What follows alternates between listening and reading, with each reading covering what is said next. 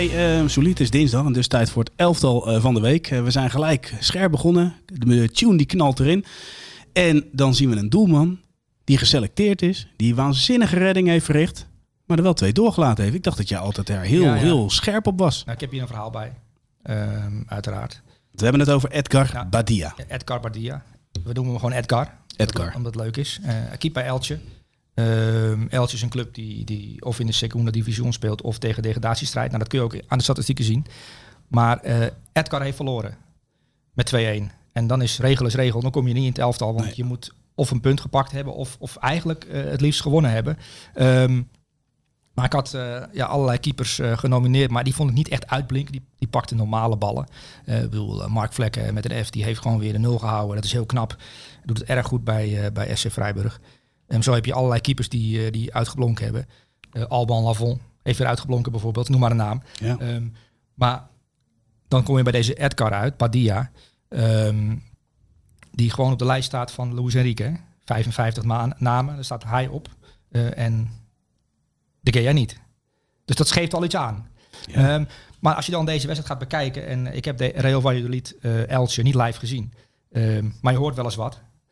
Um, en dan krijg je door van je moet even naar uh, die keeper van uh, Elche gaan kijken, want die heeft uh, zoveel ballen gepakt dat het eigenlijk 7-1 had moeten zijn voor Misschien wel meer. misschien wel 10-1. Ja. en dan blijkt Edgar Bardia ineens een soort verborgen fenomeen te zijn in La Liga, hè, in de Primera Division. Want ik kwam, we hebben de statistieken gekregen, dit keer van Wesley Mak. Hè, Misha die is aan het studeren en Wesley Mak, de, de, de, de Juve-kenner en Italië-liefhebber. Voor de mensen die op Twitter hem volgen, Wesley Mak. Okay. Um, die heeft nu dit keer de statistieken bij elkaar uh, gescharreld. maar Edgar Bardia heeft al een hele interessante statistiek. Die heeft 28 goals tegengekregen. Um, dat is wel veel natuurlijk. Hè? 28 doelpunten tegen. Zou je denken, slechte keeper. Hij pakt niet zoveel ballen. Um, maar op basis van de expected goals op doel had hij dus 36 moeten tegenkrijgen. Dat is nogal een verschil. Hè? Jij bent natuurlijk kenner, verschil. kenner van, van dit, dit soort statistieken en datamodellen. Um, deze jongen die, die, die laat dit datamodel wel exploderen. En, en dan ga je kijken naar zijn reddingen tegen Valladolid. En jij zal het ook al meegemaakt hebben. Maar de eerste helft alleen al uh, met de voet, met de vuist. Nog een keer met de voet, nog een keer... Nou, die met de voet waren, vond ik echt mooi. Het waren, nou, ik denk, uh, het waren in totaal uh, negen reddingen. Waarvan er vijf wereld, Cruciaal. wereldsaves. Ja, zeker. Dat je denkt, als je één zo'n redding verricht in minuut 89... dan word je op de schouders genomen en dan ben je de man of the match. Ja. Maar hij had dus vijf van dat soort de Gea, eh, David de Kat hebben we vor, vorige week behandeld. Zeker. Um, ja, hij heet helaas Edgar. Uh, maar dat vind ik ook wel een goede naam voor een kat trouwens. We hebben het over David. Maar Edgar vind ik ook wel... Uh, als jij de naam Edgar hoort, aan, aan wat denk jij dan als eerste? Ja, dan denk ik aan, uh, aan, aan stiften en dat, kan, dat, die kantoorhumor van... Ja, maar ik, ik ben daar niet zo in thuis, maar ja, precies. Ja, debiteur, crediteur. Dat is goud, hè? Dan hebben we gelijk de tip van de week, toch? Kasseri. De nou, laat ik het zo zeggen. Wij zijn er een beetje mee opgegroeid. Jij. Maar heb jij dat niet gekeken dan? Ja, ik ben deels ook in Turkije opgegroeid en dan had je geen debiteuren, crediteuren. Maar ik heb het wel, uh, die, ik, op YouTube kun je het ook allemaal opzoeken. Ja, ja. En, en, ik ken natuurlijk, uh, bijvoorbeeld Ruben altijd van die grapjes maakte daarover. Ja, van de multilul. Ja, multilul, maar ook jij ook en, en stiften en kaarten. En, ah, ik ben je namen verkwijt. Ja, precies. Dat soort dingen. Dus dan zoek je op waar het over gaat. En ja, het is erg leuk. Ja. Debiteuren, crediteuren. Ja, dus absoluut. een tip. Hey, zullen we nog eens teruggaan naar de keeper? Want die, die redding, hè? en zeker die bij Sergio Leon, die vond ik trouwens goed spelen. Hè? Goede aanvaller. Ja. Maar daarin zie je wel echt inderdaad um, ja, vooral de snelheid van handelen. Ja, dat is, hij heeft ook de meeste reddingen verricht in, in La Liga, 61. En het is inderdaad een man van de reflex. Er komt iemand op hem af en als je bij Elche op doel staat, komt er nog wel eens iemand op je af. Zeker. En als je dan goed bent in uh, dat soort situaties, dan pak je veel ballen. En dan komt het natuurlijk uit dat, jij, uh, dat je eigenlijk uh, veel meer ballen pakt dan je op basis van de, van de harde data zou moeten pakken. Um, dus hij komt bovendrijven in dat systeem. Het zou mij niet verbazen als ze bij de Spaanse voetbalbond... Uh, nou, die kijken natuurlijk al die wedstrijden. Hebben ze ook een uh, Daily Blind die uh, dat allemaal analyseert. En nog 15 man. Danny Blind. Daily Blind speelt. Maar Daily Blind analyseert natuurlijk ook gewoon mee. Hè? Die helpt zijn vader. Oh, dat is waar. Um, ik heb die serie gezien op Videoland trouwens. Ja. Um, Gaan we het later over hebben. Ja. Uh, ik ben helemaal een verhaal kwijt nu. nu ja, de, de statistieken. Oh, de statistieken. Maar bij de Spaanse bond hebben ze natuurlijk ook uh, 15 van die wiskids in dienst. En die, die wijzen dan uh, Luis Enrique erop. Ja, maar die Edgar Badia, die, die had eigenlijk 36 goals tegen moeten krijgen. Die heeft er 28 gepakt. die moet op de lijst. In plaats van David de Kat. maar dit is gewoon een, een, een 30-jarige doelman bij Elche die, die dit seizoen heel erg goed doet. En we hadden vorig jaar natuurlijk de keeper van uh, Wolverhampton Wanderers die bovenaan stond in het klassement van Ja. de expected goals tegen en het aantal ballen dat je dan toch eh, doorlaat. Dat, een, dat is ook nog iemand die op de lijn en in de reflexen supergoed is. En dat geldt ook voor deze, voor deze Edgar. Eh, maar we hebben nu eigenlijk iets te lang al over de keeper. eh, keeper eh, Ja, we gaan het straks nog even over een keeper hebben. Want ik had verwacht dat je die zou selecteren Oh. om een hele andere reden. Maar goed, eh, maar in dat, in dat rijtje, eh wat is wel leuk, want Edgar Badia op 1-1, dat lij- lijntje met verschil tussen expected goals op doel en tegengoals, staat op nummer 2 Allison van Liverpool. En dit is nou niet de keeper die daar hoort te staan. Dat betekent dus dat de defensie en het middenveld zodanig niet goed georganiseerd is, dat Allison te vaak in actie moet komen. En eigenlijk had Liverpool dus, als je dit zo bekijkt, gewoon een doelpunt of zes meer tegen moeten krijgen. Maar goed, Ja. dat is een heel ander verhaal. ja, valt wel weer op. Ehm, Edgar Badia, wat voor cijfer krijgt hij voor zijn optreden? Nou, hij heeft verloren ehm 9,5 als hij, als, als hij een 10 gepakt. Anders had hij 10. Ja. Uitstekend. Hey, we gaan door naar de volgende. Dan zien we de verdediger Mitchell Weiser.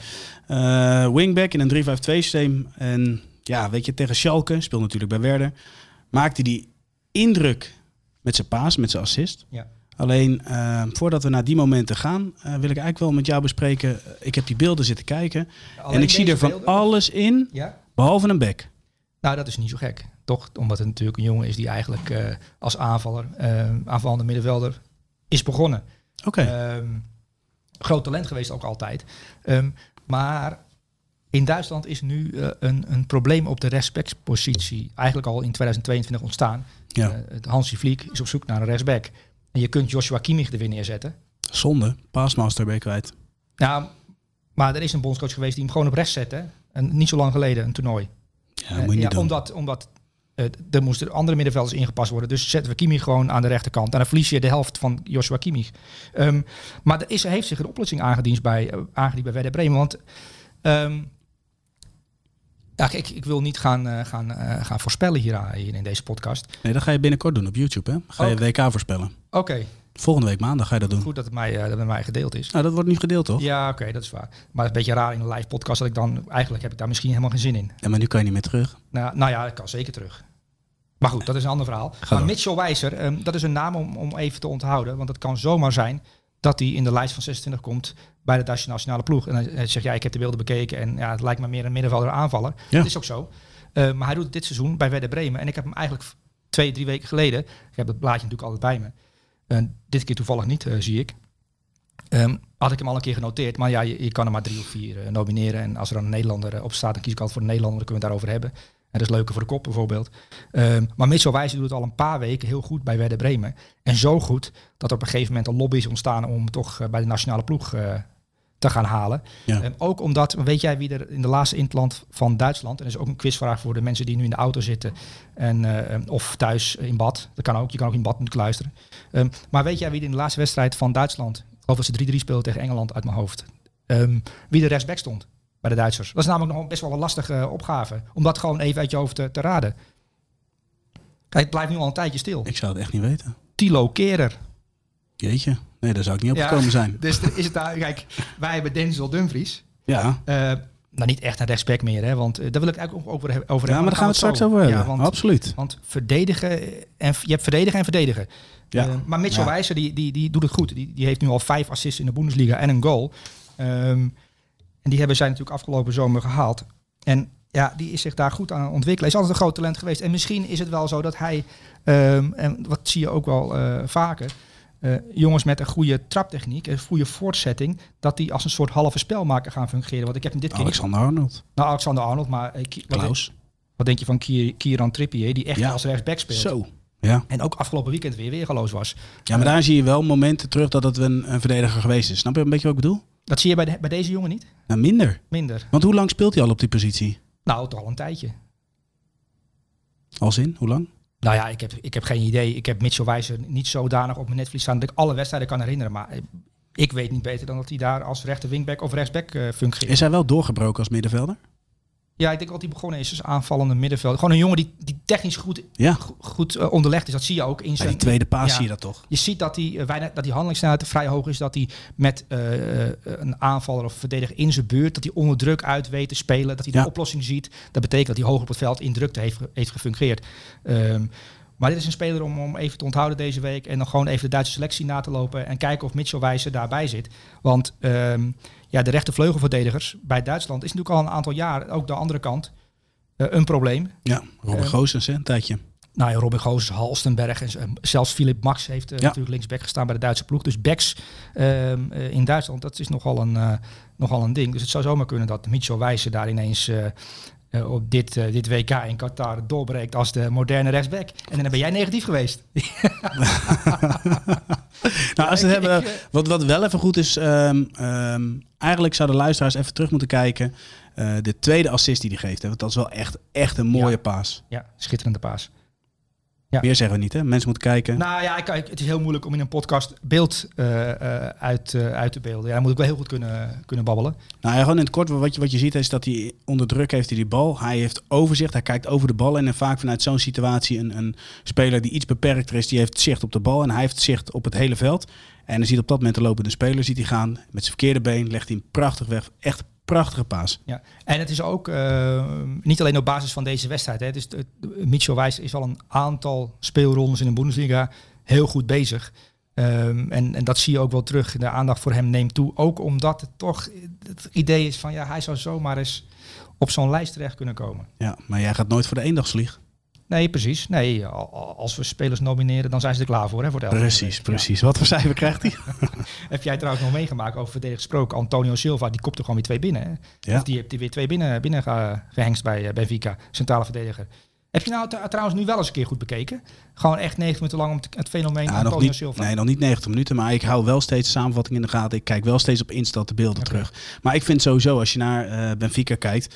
Ik zei het voor, volgens mij vorige week al, waarschijnlijk ben ik in januari bij een wedstrijd van Benfica. Ik kijk daar echt enorm naar uit, omdat het gewoon echt een leuke ploeg is om naar te kijken. Ja, dat, je, je hebt natuurlijk het Ajax gehad in 2018, 2019. Je hebt nu dit seizoen eh, Napoli, de, de topclub die, die, Ja. die in vorm is. En je hebt in Portugal Benfica, die ook een prettige loting hebben in de Champions League. Dus de kwartfinale longt. En zo, dan zit je zomaar in de halve finale. En dan heb je een speciaal seizoen te pakken. Ehm, dus dat, dat kan allemaal gebeuren. Maar ja, er is nog een WK, hè? Ja, precies. Wat voor cijfer krijgt... eh Een Ja, 8,5, Michel Wijzer.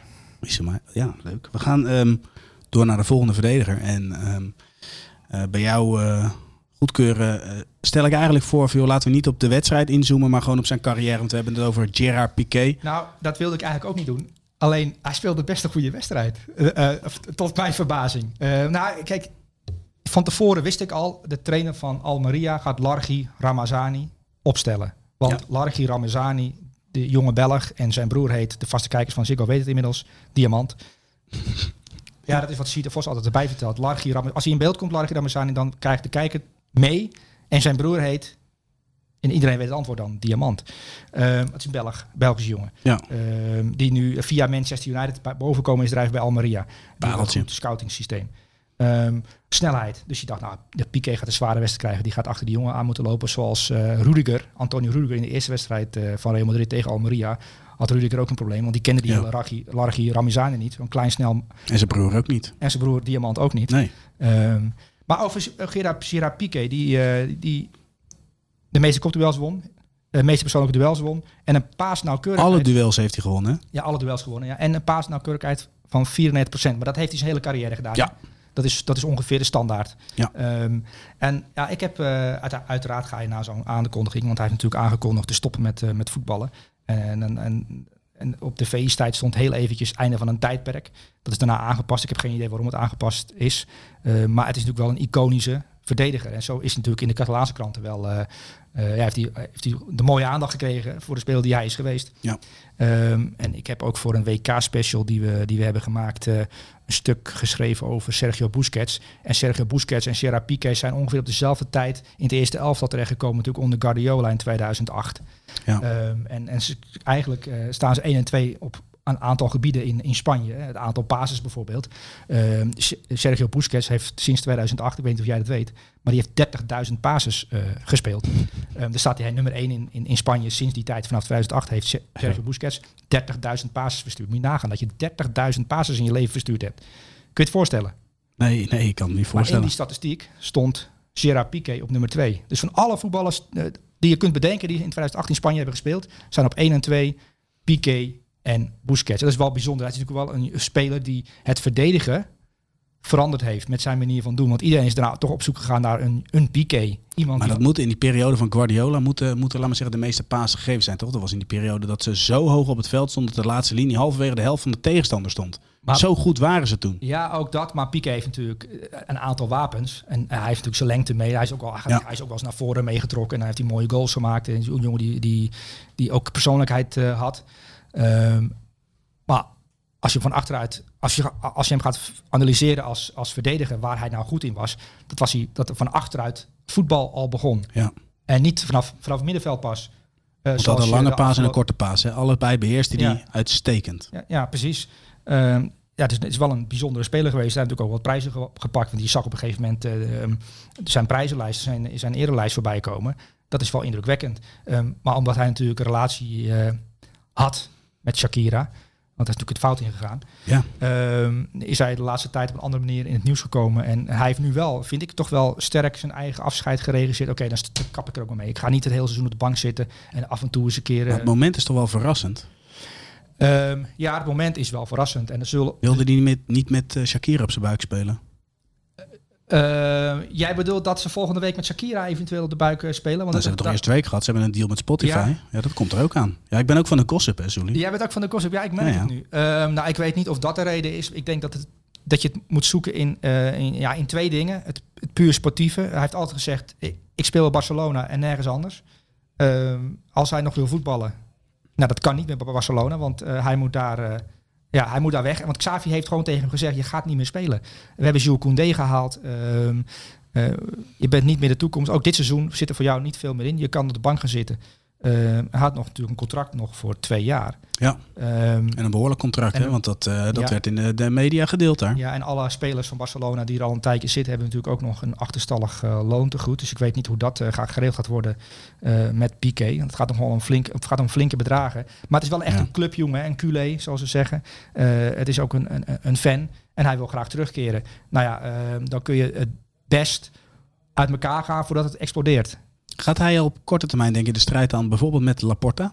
Denk ik niet. Ik, hij, heeft, hij is natuurlijk al redelijk succesvol als zakenman. Hij heeft, eh, hij heeft bijvoorbeeld het, eh, de, de tennistoernooien eh, bijvoorbeeld. Hij heeft ook eh, de Spaanse Supercup natuurlijk met zijn bedrijf naar Saudi-Arabië gebracht. Hè? Ja. Eh, maar dat, dat mag niet meer. Dus dat, daar is een nieuwe wet in Spanje in werking getreden sinds eh, afgelopen week. Dat eh, eigenlijk, dat, dat is eigenlijk een soort Piqué-wet, kun je het noemen. Ja. Dat Piqué niet meer eh, met zijn bedrijf een, een, een supercup kan verkopen. eh, of daar geld aan kan verdienen. Want dat willen ze, dat voetbal en dat soort zaken, willen ze gescheiden houden. Dus eigenlijk heeft hij gekozen voor de business en niet voor het voetbal. Ja, en misschien is het ook wel het juiste moment op je 35ste. ehm, want op een gegeven moment, nu, nu was dat minder, omdat op een gegeven moment eh, ja, de trainers toch zeiden van ja, eh Gerard, eh, zou je misschien niet meer vlak voor een wedstrijd met een helikopter of privé, privévliegtuig uit New York willen komen. Want we, zijn gewoon profvoetballers en we hebben rust nodig, we moeten slapen. Ehm, misschien kun je als prof gaan leven in plaats van als zakenman de hele wereld overvliegen en ondertussen ook nog de voetbal erbij doen. Wat, dat is een beetje de omgekeerde wereld. Dat is eigenlijk gewoon een hobby naast een drukke, naast drukke baan. Ja, Wat wij ook eh, baan. vroeger hebben gedaan natuurlijk. Dat is best knap, ja. Zo ja, moet je eens nagaan. Hè? Dat je bij VI werkt. En ook nog een relatie onderhouden met Shakira. En kennelijk nog met andere vrouwen. Dus dat, is- dan, ben je wel, dan, ben je, dan, dan kun je veel eh, worden tegelijk vasthouden. Ja, je mag het bijna niet zeggen, maar dan ben je wel een groot hoor. Dat wil ik niet zeggen, want dat is weer... j- jij zit wel vaak in die seksistische hoek, hè? Nee, ik... Dan ben je een Jongen, grote. Even serieus. Hij runt een miljoenenbedrijf. Hij doet het voetbal er even bij. Eh, onderhoudt, nou ja goed, zijn, zijn gezin dan iets, iets minder kennelijk. Omdat het fout is gelopen helaas. Eh, dus daar doe ik zeker niet op. Maar het feit dat jij denkt van, joh, je hebt, je hebt een, een drukke baan. En daarnaast voetbal je nog even bij een van de grootste clubs ter wereld. Nou, dan ben je in mijn ogen een grote. En, ja, en nu je het zo stelt... eh, Oké, dan geef ik je Jij duwt me gewoon weer die hoek in. Ja, ja ik, ik vind het ook lekker om mensen die hoek in te duwen. Gewoon. Ja. Ik vind het gewoon wel lekker om te zeggen. Oké. Cijfer voor Piqué. Voor zijn hele loopbaan. S- s- aan het oeuvre. Ehm, ja, wel een dikke negen. Dikke 9. Meer dan terecht. bedoel, hij is wel gewoon wereldkampioen geworden en Europees kampioen geworden. Toen Champions League gewonnen. En eh, ja, we hebben het over die basis. Gewoon een dik 80.000 basis gegeven in zijn carrière. Vooral ook een hele mooie voetballer. Sierlijk, ja. Ja. ja. Eens. Hey, we gaan eh, naar de laatste verdediger. En dan zien we... Nee, een... de ene laatste verdediger. Oh ja, dat is waar. Ja. Ja, we hebben nog twee Nederlanders in de defensie. Lekker zeg. Ehm, naast Piqué, Mickey van der Ven. Ja. Nou, kijk, Mickey van der Ven is eh, afgelopen weekend voor de tweede keer door Kieker genomineerd in het elftal van de week. Dus eh, dan, hij is aardig bezig. Die eerste 15 wedstrijden. ehm, en Wolfsburg ook. Hè. Ik had er een beetje een hard hoofd in met eh, Nico Kovacs en eh, Mickey. Ja. Ik, ik heb Mickey van de Ven begin van het seizoen. z- ik heb hem natuurlijk zien spelen. Stond hij aan de linkerkant van een driemans defensie. En toen dacht ik, oh, hij is nog echt, hij is nog niet klaar voor, voor dit niveau. Ehm, maar je ziet dat hij per wedstrijd, ja, hij heeft meer zelfvertrouwen gekregen. Hij zit ook dichter op de tegenstander als het moet. Ja. Ik vond hem te ver afstaan van de actie als het als het Maar hij speelt nu centraal achterin met vier man, naast Bornau. Ja, nou, dat is, hangt er vanaf wanneer je op welk moment kijkt naar zijn wedstrijd. Want het- dat beweegt bij Wolfsburg nogal eh, goed. Ik snap wat je bedoelt. Ehm, en, eh, kijk, dit keer was uh, Mainz 0-5 de tegenstander. Ze wonnen eh, 3-0. Ehm, en dat gebeurt natuurlijk veel aan de andere, aan de andere kant van het veld. Eh, maar hij had met Karim Onisiwo te maken. En het duels die hij uit moest vechten met Karim Onisiwo op snelheid won hij makkelijk. Door Ja. de lucht won hij makkelijk. En wat mij opviel is dat hij achterin eh, in de opbouw toch wel het belangrijkste stationnetje was. Ja, maar dat deed hij ook alles aan. Ja. Op het moment dat een tegenstander drukt, Aanspeelbaar hij zijn, sprintte echt naar achter om gelijk aanspeelbaar te zijn. Hij heeft heel veel effort gestoken in het feit dat hij Ja. steeds aan de bal komt. Ja, ik heb dat ook eh, op mijn klapbordje eh, neergezet. Aanspeelbaarheid, top. Dus hij is bezig met, het is niet bang om de bal te krijgen om een fout te maken. En dat vond ik in het begin van het seizoen, dat ik, oh, hij, is- hij verstopt zich een klein beetje. Wil die bal eigenlijk niet hebben, want stel je voor dat ik de fout maak. Dat is natuurlijk een jonge jongen die in de Bundesliga Ja. eh, in de basis staat voor het eerst. En die, die- ja, dat, is, dat is nog wel indrukwekkend. Eh, maar je ziet dat hij dat eh, snel heeft opge- opgepakt. En, en ja, Mickey van de Ven, we hebben hem zelfs hier een keer in de studio gehad, geloof ik, tijdens een live show. In de Ja, EK. absoluut. Maar toen werd hij natuurlijk de Nederlandse Matthijs de Ligt genoemd. Speelde nog bij Volendam, hè? Ja, Toen kwam hij met zijn moeder hier in, op, op de redactie. Ehm, en ja, toen werd hij natuurlijk al... hele rustige jongen was het. Ja, en dat zie je ook wel terug in het veld nu. Dat hij, dat hij daar achterin bij Wolfsburg eh, de lijnen uitzet. eh, goede inspeelpaas heeft. Goede keuzes maakt aan de bal. En zonder bal eh, goed, ja, goed, staat. Positioneel goed is. En hele jonge jongen nog maar. Ehm, en het is toch wel lekker dat je straks... aan het eind van dit seizoen een heel jaar Bundesliga in de tas hebt en je ontwikkeld hebt. En dan volgend jaar de volgende fase kan, kan gaan beginnen. En dat is echt een goede verdediger worden. Want Ja. je ziet wel dat hij potentie heeft. En ik begrijp wel dat Kovacs vanaf het begin in, in hem geloofd heeft. En hem ook eens blijven opstellen. Ondanks dat het de eerste paar wedstrijden onzeker oogde. Ja, en als je het dan hebt over zijn, zijn volgende stap. eh, kijk, het WK even, dat, dat, dat, is, dat is niet in beeld. Nou, hij staat op de lijst. Hè?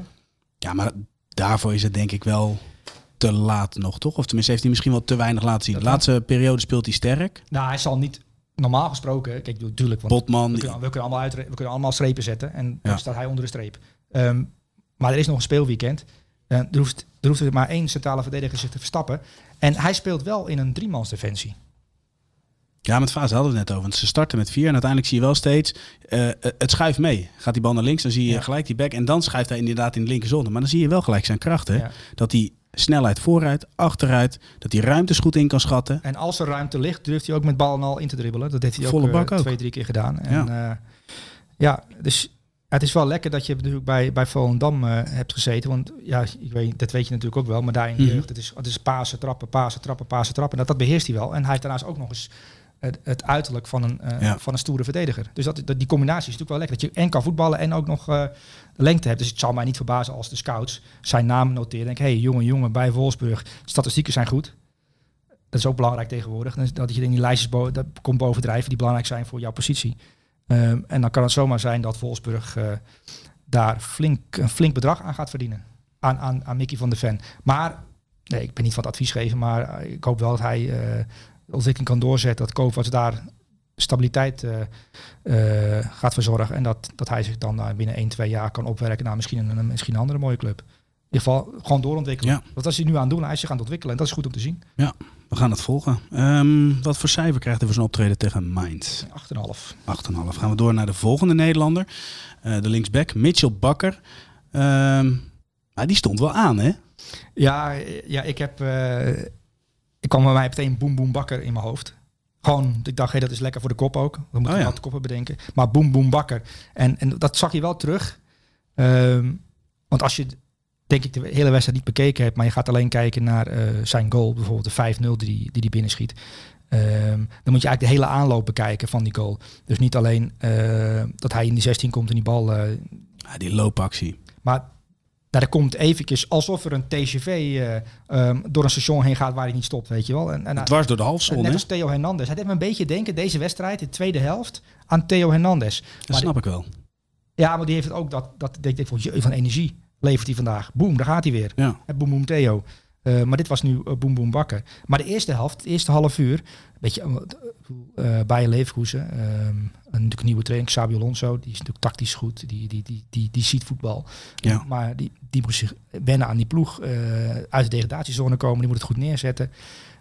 Nou, Frimpong, die kan je bal inspelen. En dan gaat hij meestal of naar een ploeggenoot of hij dent eroverheen met samen met Diaby. Aan die linkerkant draaide nog niet helemaal. Uh, en als Mitchell Bakker dit wekelijks gaat leveren. Uh, Denzel Dumfries is natuurlijk uh, via een, een, geweldig WK bij Inter beland. Maar dit zijn wel de prestaties die opvallen. Ik bedoel, hij is bij drie van de vijf goals betrokken. Je hebt natuurlijk een assist die hij heeft gegeven. Hij heeft een doelpunt gemaakt, maar hij heeft ook een geweldige voorassist nog in de aanloop naar een van de doelpunten. Ja, ja die actie. Maar techniek. Ja. En, en hij heeft natuurlijk bij Paris Saint-Germain linksback gestaan, sporadisch. En dan stond Neymar uh, voor hem. En die kreeg dan een bal niet goed aangespeeld van Mitchell Bakker. En die ging dan hoofdschuddend naar de kant kijken van... wat doen jullie me nou aan? Ik speel met, een, ik speel met een koekenbakker in plaats van Mitchell Bakker. Um, en dat doet iets met het zelfvertrouwen, denk ik, van een jonge jongen. Dat de grote Neymar een, een bepaalde actie afkeurt. Of hij ging wel eens voor zijn eigen kans, weet je wel. Dan kwam hij door en dan probeerde hij het door te schieten. Maar is dat ook de ontwikkeling van Koekenbakker naar Boemboembakker? Ja, het is de ontwikkeling van Koekenbakker naar Boemboembakker. Maar hij heeft wel een merkwaardige carrière natuurlijk. Uh, Ja. Als je kijkt hoe, waar hij vandaan komt. Uh, ik geloof uh, Purmerstein, Ajax en dan het tweede elftal van Paris Saint-Germain. Maar er was geen tweede elftal, dus wat ging hij daar eigenlijk doen? En dan komt hij ineens bij de, bij de grote sterren terecht. En Ja. Thomas Tuchel denkt, goh, die, die, die kan eigenlijk best redelijk voetballen. Heeft nog energie ook. Kan, ma- maakt diepte. Um, gaat toch voor best wel veel geld naar Bayer Leverkusen. En uh, ik weet of jij wel eens uh, uh, onderzoek doet naar, uh, naar spelers. Zeker. Nou, Maar op een andere manier dan jij, maar ga door. nou ja, Mitchell Bakker, die, die kijk, Frimpong, dat weet iedereen bij Bayer Leverkusen tribune. Die gaat naar Real Madrid of Barcelona of een van die clubs, weet je wel. Die gaat echt naar een grote club toe. Um, maar Mitchell Bakker, dan vragen al die Bayer Leverkusen supporters zich af... Goh, wat doet die jongen hier eigenlijk? Of krijgt hij, krijgt hij betaald om dit te doen? Want hij heeft natuurlijk wel wedstrijden gehad... Um, dat het er echt niet uitzag. Dat hij maar wat deed. Maar ik vond hem nu aan de bal... Um, dat wilde er eigenlijk naartoe werken. Het eerste half uur... Uh, dan wil hij doorkomen. Er is een, nou ja, je kunt niet dwars door iemand heen lopen. Dus dan moet, die, dan moet die bal even teruggehaald worden. Uh, in de combinatie vond ik hem ook uh, kalm en rustig. Als hij dat ontwikkelt, dat hij, als, als die bal wordt aangespeeld, hij wordt natuurlijk redelijk vaak aangespeeld als wingback. Want ja, er is ruimte. Ja, want ze spelen vanuit een 3-4-3 formatie. Ja, de, ja, tegenwoordig bijna iedereen. Hè? Dus dat is wel uh, opvallend. Ja, maar of 3-4-2, 3-4-3. Hij heeft in ieder geval zijn hele, de hele zijkant heeft hij. En wat ik daar het meest opvallend aan vind, wat jij zegt van, uh, hij wordt daar vaak aangespeeld. Maar uiteindelijk, hij wordt gevaarlijk aan de binnenkant, binnenkant. en niet aan de buitenkant. Ja, ja maar ook dat, dat is, Xabi Alonso, die is natuurlijk uh, uh, iemand die, die kijkt naar, naar City, die kijkt naar Arteta en die kijkt, ja, die, dat is iemand die toptrainer wil worden, die als briljant student bekend staat. Uh, ja, die gaat dit soort dingen ook van Mitchell Bakker vragen. En je moet natuurlijk ook voor, blijven verrassen, buitenom, binnenom. Wat gaat ja. Mitchell Bakker op een gegeven moment, bijvoorbeeld bij AC Milan, met Theo Hernandez. Uh, ja, daar zou ik liever niet tegen willen spelen, want A, hij loopt je kapot. En hij loopt ook nog eens naar een kant op dat je niet helemaal verwacht dat hij daar opduikt. Um, maar Mitchell Bakker heeft alles om een soort, nou niet een soort, om een tweede Denzel Dumfries te worden. Dat je denkt van hij kan eigenlijk helemaal niet voetballen. En hij kan redelijk voetballen trouwens, daar niet van. Nee. Um, maar Denzel Dumfries tegen Inter, ik weet niet of je het gezien hebt, maar die komt dan in de 16, die krijgt, die krijgt een bal op 5 meter en die gaat er niet in. Dat komt omdat hij, ja, omdat de je schoenendoos nog omheen zaten. Ja. Ja, en dat heeft Mitchell Bakker ook in defensieve zin soms, dat hij maar wat doet. Dat is clownesk is als hij, als hij moet uitverdedigen. Um, maar ja, door hem verder op het veld neer te zetten, ja.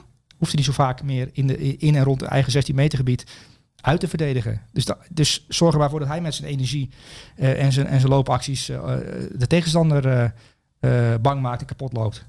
En dat is wel vervelend, want als hij komt, komt hij ook wel goed. Hè? Het is wel, er zit wel ja. een bepaalde energie en een bepaalde drang in. Ja, eens. En als je ervoor wil, ja, hij gaat er dwars doorheen. Maar ik vind, ik vind juist wel dat hij zich ontwikkeld heeft. Als voetballer. Als voetballer ja. aan de bal. Want, want die goal, volle snelheid in de 16, veel mensen in de 16. Ja. Ik vond het knap afgewerkt. Ja, goed afgewerkt. Ja. Maar goed, zijn optreden tegen Union Berlin, uh, wat levert dat voor cijfer? Ik zou zitten kijken, wel veel spelers uit de Bundesliga. Maar goed, dat, uh, dat is maar zo. Uh, Mitchell Bakker, 5-0 gewonnen van Union Berlin. Uh, belangrijke punten voor de ploeg. En uh, eindelijk assists en doelpunten, want dat ontbrak er nog aan dit seizoen. en ik denk wel een heerlijk optreden om, om toch deze week stiekem te hopen dat je per ongeluk via de achterdeur erin komt. Want Ma Malaysia speelt natuurlijk niet. Nee. En Mitchell Bakker wel. En misschien komen er nog blessures, je weet het niet. Nee. maar wat voor cijfer? Een 9. Een 9. Oké, okay, we gaan naar uh, de middenvelders. En uh, jij hebt gekozen voor Jacob Ramsey. middenvelder van eh, Aston Villa. Deze week speelden zij tegen Manchester United. Ja. Um, Eerste wedstrijd van Una Emery, hè? de trainer. Die officieel langs de zijlijn stond bij Aston Villa als trainer. Tactisch meesterwonder. Nou ja, hij is weggegaan bij Villarreal. Daar is het erin gestort. Dan weet Arnoud Danjuma niet meer welke kant hij op moet lopen. Um, en bij Aston Villa onder, dat is wel gek, hè? Steven Gerrard, die natuurlijk top, top, top, top voetballer is geweest. En het verschil tussen dit optreden van Aston Villa en die paar wedstrijden ervoor onder Steven Gerrard, ik vind het verschil zo groot. Dat ik denk, hé, maar ze stonden echt goed. En uh, Unai Emery had het over de plan. En ze hadden een plan. En dat zag je ook wel terug, dat ze een plan hadden. Um, maar ook uh, deze Jacob Ramsey, en dat is een van de uh, favoriete spelers van uh, Bas van der Hoven, die, die zit heel erg in. gaan we zo meteen ook inbellen? Oh, die gaan we zo ook inbellen. die, heeft, die zit op jonge Engelse voetballers. Oh. Verslecht hem in de thee. Um, en die zie je al een tijdje. Jacob Ramsey, dat wordt echt een, een goede voetbal. En hij heeft natuurlijk techniek en, en inzicht. En voor een Engelse voetbal is dat al heel wat. Ja. Um, alhoewel, het valt wel mee tegenwoordig. Want je ziet heel veel goede spelers. Ook bij uh, Crystal Palace bijvoorbeeld. Um, Eberechi Eze hebben we over gehad. Maar ook Michael Olise bijvoorbeeld. Ja. Uh, maar deze Jacob Ramsey ook uh, international van, ik denk Engeland onder 21. maar die vond ik tegen Manchester United echt opvallend goed spelen.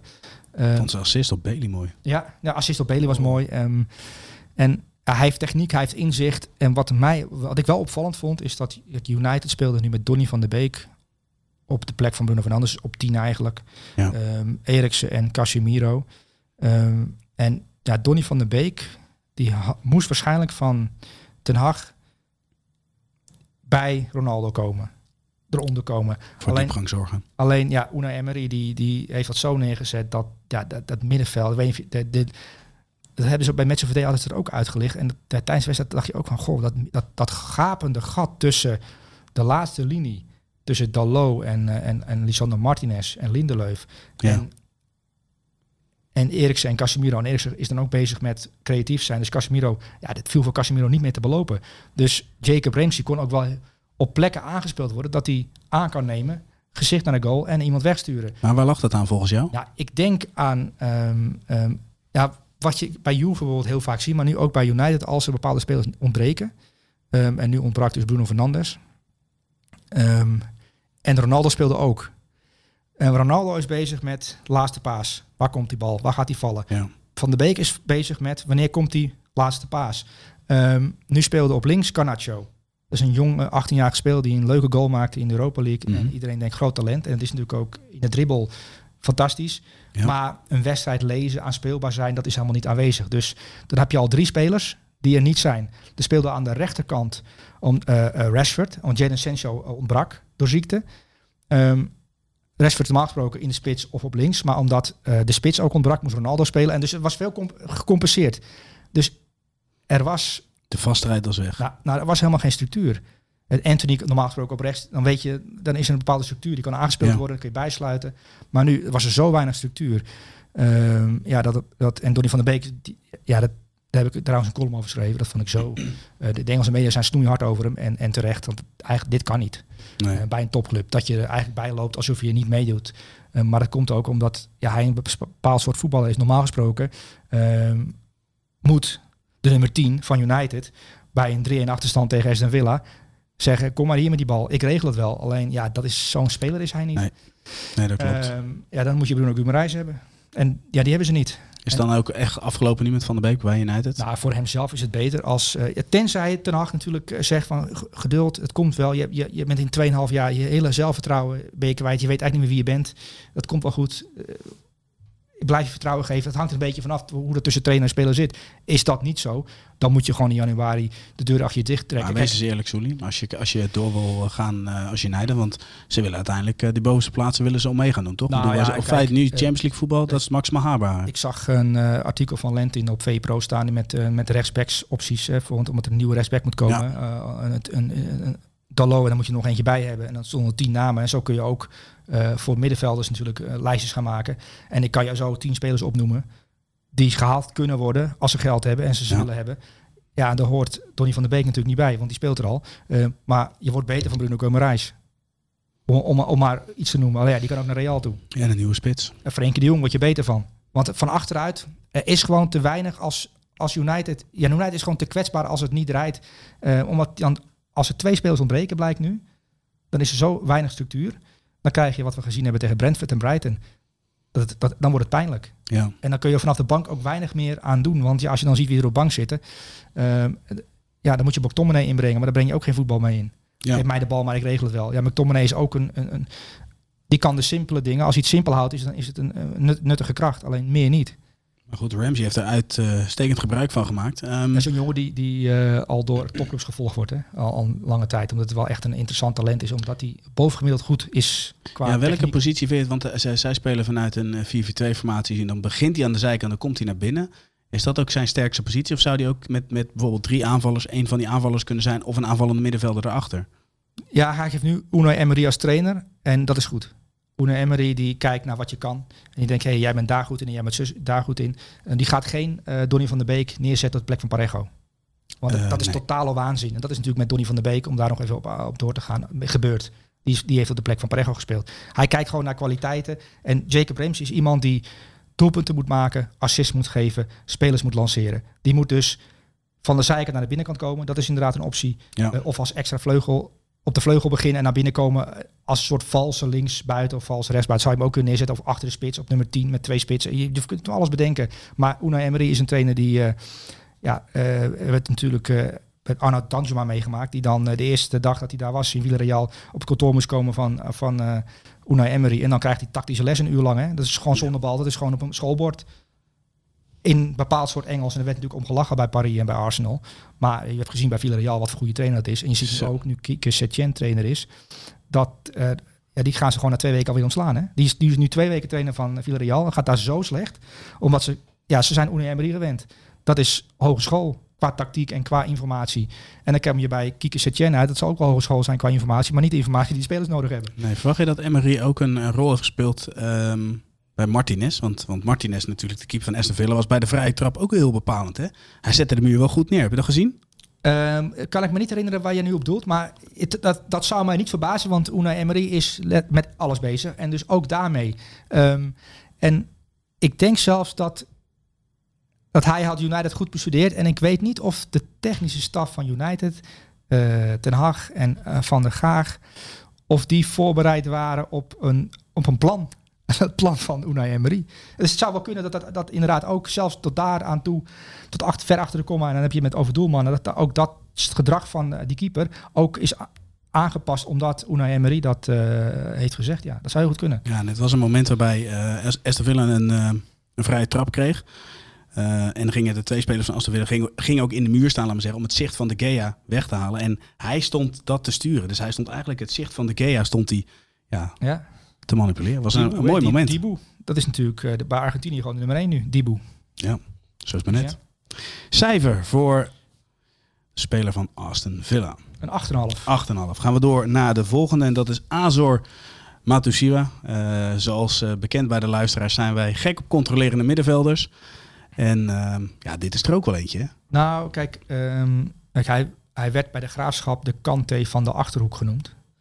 Toen van, via Jong Ajax bij het Ja. graafschap beland. Toen is hij bij Groningen beland. En, eh en, en Reon Boeringa is natuurlijk Groningen-watcher. En die vond hem de sleutelspeler toen hè, met Danny, Danny Buijs. Ja, Groningen is de Kante van Groningen verloren. En daardoor is, daarna is het Groningen nooit bij Groningen geweest. Ehm, en zo'n jongen hou je dan eh, in de gaten, omdat ehm, het ook eens een verstandige gozer is. Die gaat naar Stad Rijms toe. En dan een beetje, ja, dan, dan verlies je iemand uit het oog. Hè? Dat je, ja, die gaat naar de League 1 toe, die zien we niet meer terug. En dan eh, probeer je altijd wel even te kijken eh, of hij gespeeld heeft en hoe hij het gedaan heeft. Ehm, en dit is een speler die langzaamaan steeds beter en beter wordt. En nu speelde eh, Stad Rijms tegen Nantes. Ja. Ze winnen met 1-0. Precies. En Stad Rijms heeft een hele jonge trainer, Wil Stil. Ooit voor gehoord, Wil Stil? Wil stil? Nee. Die is 30 jaar. Die was op 26 al trainer in, in België. En, Oké. Eh, die is nu trainer van Stad Rijms na het ontslag van eh, Garcia daar. eh, Oscar Oh ja, Garcia, ja. die is ontslagen bij, eh, bij Stad Rijms. Maar Azo Matesiwa, ik ga even de statistieken gewoon voorlezen. Die heeft 12 van zijn 13 persoonlijke duels gewonnen.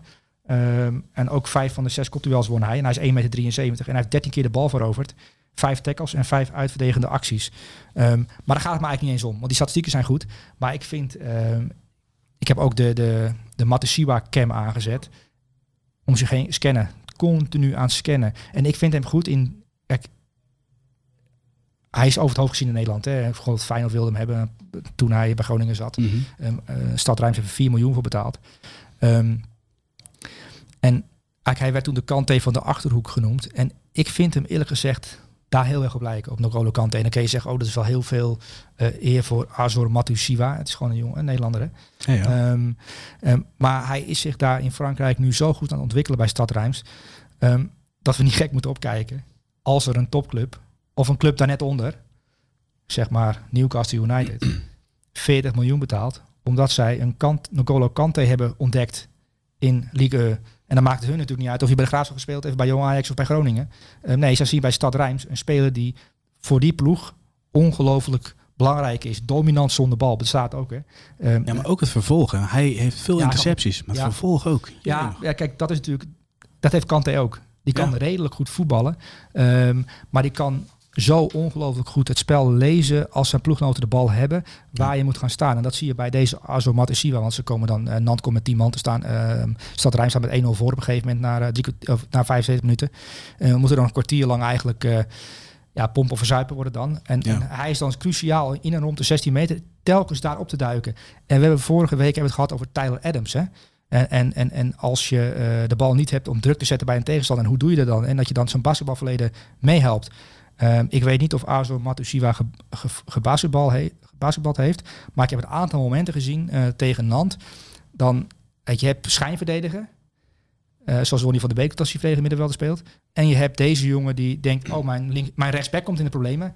Ehm, bam, dwars alle linies heen, ik moet hem helpen. En, en dan is, dan is het eh Matusiwa die, die opruimt. Ja. Ehm, en, en hij doet het echt heel goed in, eh, in, in de liga. En daar is ook wel een competitie voor hem. Hij kan redelijk goed voetballen, fysiek sterk en intelligent. Wat is nou hetgeen waar, wat hij nog, ehm, als je naar de focus hebt, ontwikkeling, hè? Want je, je Ja, geeft- zijn concentratie is ook goed. Hè. De concentratie is belangrijk op zo'n positie. Dus, dus focus, concentratie, het spel lezen, daar is Ja. hij echt ijzersterk in. En het is ook nog eens een, een, een, een, ik denk een, een bovengemiddeld intelligente jongen.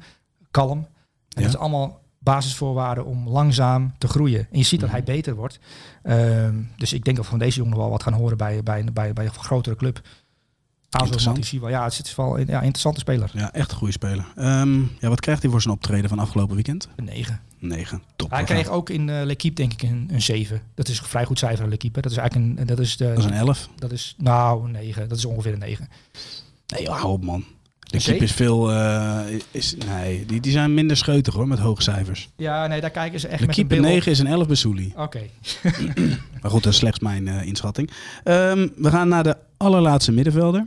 Ja. En eh, we hadden het aan het begin eh, van deze topshow natuurlijk al even over Denzel Dumfries. Want wat zal hij een ontzettende klote middag gehad hebben, avond gehad hebben tegen Filip Kostic. Nou, het was uh, Juve Inter en de eerste helft was zo slecht dat ik heb getwijfeld om verder te kijken. Want ik denk van ja, dit, dit, dit mag je een kijker eigenlijk niet aandoen. En dat vond eh, Danny Blind in de studio ook bij Ziggo. Ja. Die, die, die, die kijkt altijd naar die wedstrijden om die spelers te beoordelen natuurlijk voor eh, Louis van Gaal.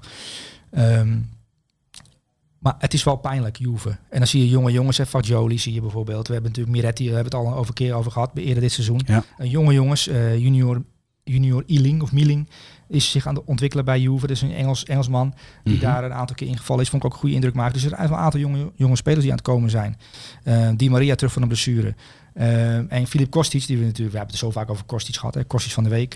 Ja. ik bedoel, maar die heeft echt een laser in zijn linkervoet. Ehm, en als je die, ehm, als je die eigenlijk, je hebt sommige auto's, die, die, die zijn gemaakt om op de Duitse autobaan te rijden.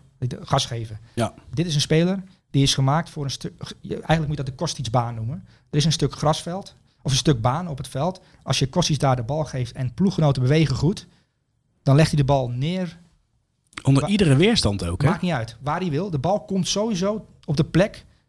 Als de speler goed loopt, komt hij op de plek terecht waar hij moet, de bal moet komen. Hoe, Ja. Wie er ook om hem heen staan. Ehm, en dat gaan we natuurlijk ook zien bij de Servische ploeg. Daar, heeft hij ook, daar is dat stuk baan voor hem aangelegd. En dan heb je eh, Mitrovic. Ja. Dan heb je Tadic. Dan Ja, heb je Jovic. Of dan heb je... Er zijn wat opties. En ja, hij heeft echt een enorm wapen. En dat is aan die linkerkant met het linkervoet iemand uitzoeken. Eh, wat Kevin de Bruyne eh, ook doet, maar dan met meer dynamiek. Hè. Die kan ook nog eens zelf aansluiten bij de 16. Dat kan hij ook wel. Hij heeft ook wel dynamiek. Maar ik vind er vooral ehm, ja, het, het, het, het vinden van, eh, van een speler in de 16 van de tegenstander, vind ik hem echt ongelooflijk. Gewoon ongeëvenaard eigenlijk zelfs. Ja, laten we er eens drie pases bij pakken. Dan ben ik benieuwd uh, naar welke paas jouw voorkeur gaat. Je hebt de voorzet op Locatelli. We hebben de assist, teruggetrokken bal op Rabiot. Maakt trouwens ook weer een goede Mooi, indruk. Ja. En het overzicht ehm, bij de paas op uh, Ik vind eigenlijk Fagioli. de afgekeurde goal, waarin hij ook de assist gaf, maar de goal Ja. werd afgekeurd, dat vond ik de mooiste paas. Maar dat was na, dat was na de 1-0. Ehm, dat vond ik de mooiste paas. Ik weet niet meer wie, op wie dat was. Ehm, Kunnen we eens kort toelichten? Nou, dat was het typische Kostic-bal eh, aan de zijkant. Ehm, en, en tegenwoordig heb je natuurlijk de vroege voorzet. Hè. Daar gaat het in, eh, in, in het spaarprogramma's vaak over de vroege voorzet. Ja. Maar hij hoeft helemaal geen speler voorbij. Hij moet de bal hebben en de speler, of de spelers van, van zijn elftal, in dit geval Juve, eh, moeten zodanig lopen dat de bal eh, ja, daar kan komen. Dat ze, op, dat ze op die plek zijn waar die bal kan Ja. komen. En, en ze moeten hem opties geven. Geef je hem opties, ja, dan legt hij die ballen wel neer. En eh, dat, is, dat is in de Bundesliga gebleken. Daar heeft hij te lang gezeten. Ehm, hij zit nu bij Juve, bij een topclub. En, en, en we hebben deze natuurlijk van, eh, van Wesley Mak gekregen. Dus Italië eh, liefhebber en ook Ja. een Juve-watcher. En die, eh, Kostic, ik lees gewoon even voor wat hij geschreven heeft. Kostic is er eentje van mijn favoriete club Juventus. Dit seizoen viel hij nog behoorlijk tegen. Dat is, de- dat is dan de fan die praat. En hij heeft wel gelijk, hij viel over tegen. Maar vooral Juve valt tegen. Omdat ze, hem, ze geven hem geen paasopties. Ehm, ook die eerste helft, dan lijkt het of, of Kostic er helemaal niets van kan. Ehm, want ja, hij loopt heen en weer. En, en eh, als hij de bal heeft, kan hij niet kwijt. Maar het zit niet zozeer in de bezetting, het zit meer in de beweging die er beweging niet is. die niet is, ja. Ja. Ehm, en kijk, die was wel een leuke, interessant duel natuurlijk. hè. Kotsis tegen Denzel Dumfries. Ehm om Denzel Dumfries natuurlijk gevestigd te waren bij, eh, bij Inter. Ehm, en dan komen ze dan tegen elkaar uit. Omdat die trainers zeggen, laat hem maar lopen. Jij, als, als hij doorgaat, dan kom jij op hem of andersom. Eh, dat zie je in Italië heel vaak. Want eh, daar, daar spelen ze natuurlijk met systemen. Ja. En ook bij, bij Al- Allegri nu. hè, Dat Juve dra- draait natuurlijk niet lekker. Eh, dat, dat gaat niet goed. En nu stond Kleison Bremer weer centraal achterin, terug van zijn blessure. Jonge jongens, als aanvallende middenvelder Mir- Miretti, hè, dat is eigenlijk geen aanvallende middenvelder, dat Nee. natuurlijk kunnen zien, maar die is nog echt te jong om verantwoordelijkheid te dragen op middenveld. Dus het is een elftal waar een trainer zit die het moeilijk heeft en het kan zomaar gebeuren na een volgende nederlaag dat hij eruit vliegt. Ehm, maar Filip Kostic is wel een heerlijke speler om erbij te hebben. En je moet hem eigenlijk eh, de beweging bieden. En dan leeft hij die ballen wel af. Ik bedoel, het is eigenlijk een, een, een postbezorger zonder bestelbus. En daar komt de post ook niet aan. Ehm, snap je wat ik bedoel? Ja, ja, zeker, Dus dat zeker. is maar goed, eh, vandaar kost iets een 9. Kost die 9, uitstekend. Ja, ik durf geen vraag meer te stellen eigenlijk, maar ook mooi, mooi, mooi verhaal. Ehm, we gaan naar de aanvallers. En eh, dan beginnen we met eh, Christopher en Kunku. Ja. Ik had ook Salah kunnen nemen, die natuurlijk eh, weer belangrijk was bij, eh, bij Waarom Liverpool heb tegen je toch voor een Kunku gekozen? Nou, omdat ehm, ehm, ik zie bij hem steeds meer... Kijk, hij is al echt enorm aantal... hij is snel, dat weten we. Ik bedoel, het is een Ja. jongen die, die, die, net als Timo Werner, ongelooflijk snel is. Alleen Timo Werner is snel en mist veel kansen. Onbesuist. Ja, onbezuist of geen rust op precies het moment dat je even moet... Als spits moet je... Bas zou zeggen druistig. druistig. Ja, dat woord gebruik ik nooit, maar het is echt een Ja, baswoord. Bas, dat is een Ja. baswoord. Ehm, maar Nkunku die heeft ook ehm, in de 16 een bepaalde intelligentie, dus met, met, met, met loopacties. Maar als hij de bal neerlegt eh, rond een me- meter of 19, heeft hij ook de eh, techniek om zo'n bal de kruising in te krullen. En dat heeft, ik zie niet voor het eerst een vrije trap binnenschieten. Dus, en dat is wel bij dit soort spelers best wel opmerkelijk. Hè? Ehm, ik bedoel, Timo Werner zal nooit een vrije trappen nemen worden. Omdat hij daar het gevoel voor mist. Eh, maar Nkunku die is en op de brommer, zal ze hier ervoor zeggen.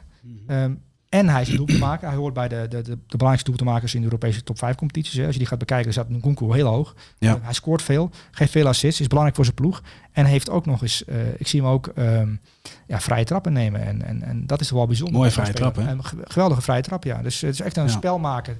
Spelmaker plus. Ja, en ik vond bij die tweede goal ehm jij hij zo rustig bleef. Tussen Donny van der Beek op 10 of Nkunku op 10 achter een spits. Ja, maar dat, dat ja, maar ja, weet je wat het is? Eh, Lastig.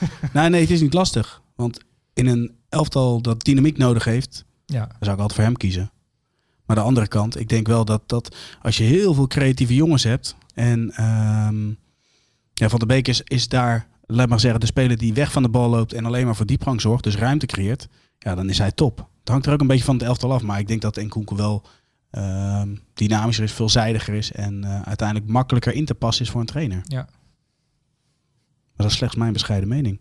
Ja, ik, kijk, je hebt natuurlijk eh, bij Frankrijk zoveel keuzes. En ja, het staat toch vast dat Benzema, Mbappé en Giroud en Griezmann, dat zijn de normaal gesproken de spelers die spelen. Ehm, en er is nu al een debat van moet Giroud eigenlijk niet spelen in, plaats van Benzema. Want Giroud, die, dat is voor, voor, voor Mbappé zo lekker. En ook voor Griezmann. Ehm, en Nkunku, ja, die kan doen en laten wat hij wil. Maar die zal alleen eh, een half uurtje speel te krijgen als hij, er, als hij er überhaupt bij zit. Hè. Dat is ook nog wel vaak, vaak de vraag. Dus dat is wel eh, een beetje, een beetje treurig lot van, eh van Nkunku dat hij eigenlijk Fransman is. Had beter ja, Nederlander kunnen zijn. Dan had Ja. hij namelijk gewoon gespeeld op de plek van Bergwijn. Of een Belg. Nou ja, eh, dan moet je Eden Hazard uit de basis halen. En die gaat gewoon spelen, Eden Hazard. Ja, ook als die... eh, nou goed, we gaan het, we gaan het zien. Ehm, we gaan trouwens even eh, zo inbellen met, met Bas van der. Hoven. Want die Ik is... ben heel benieuwd wie zeg- gekozen heeft. wie Bas gekozen heeft. Zullen we gewoon langzaam in gaan bellen?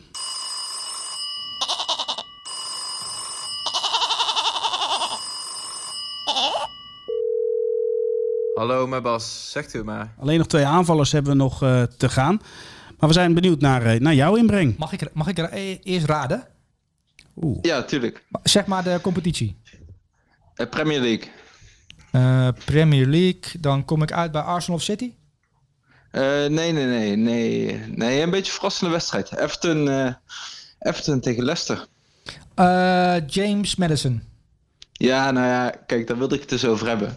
Want hij, hij, hij werd uitgeroepen tot, eh, tot man van de wedstrijd. Ja.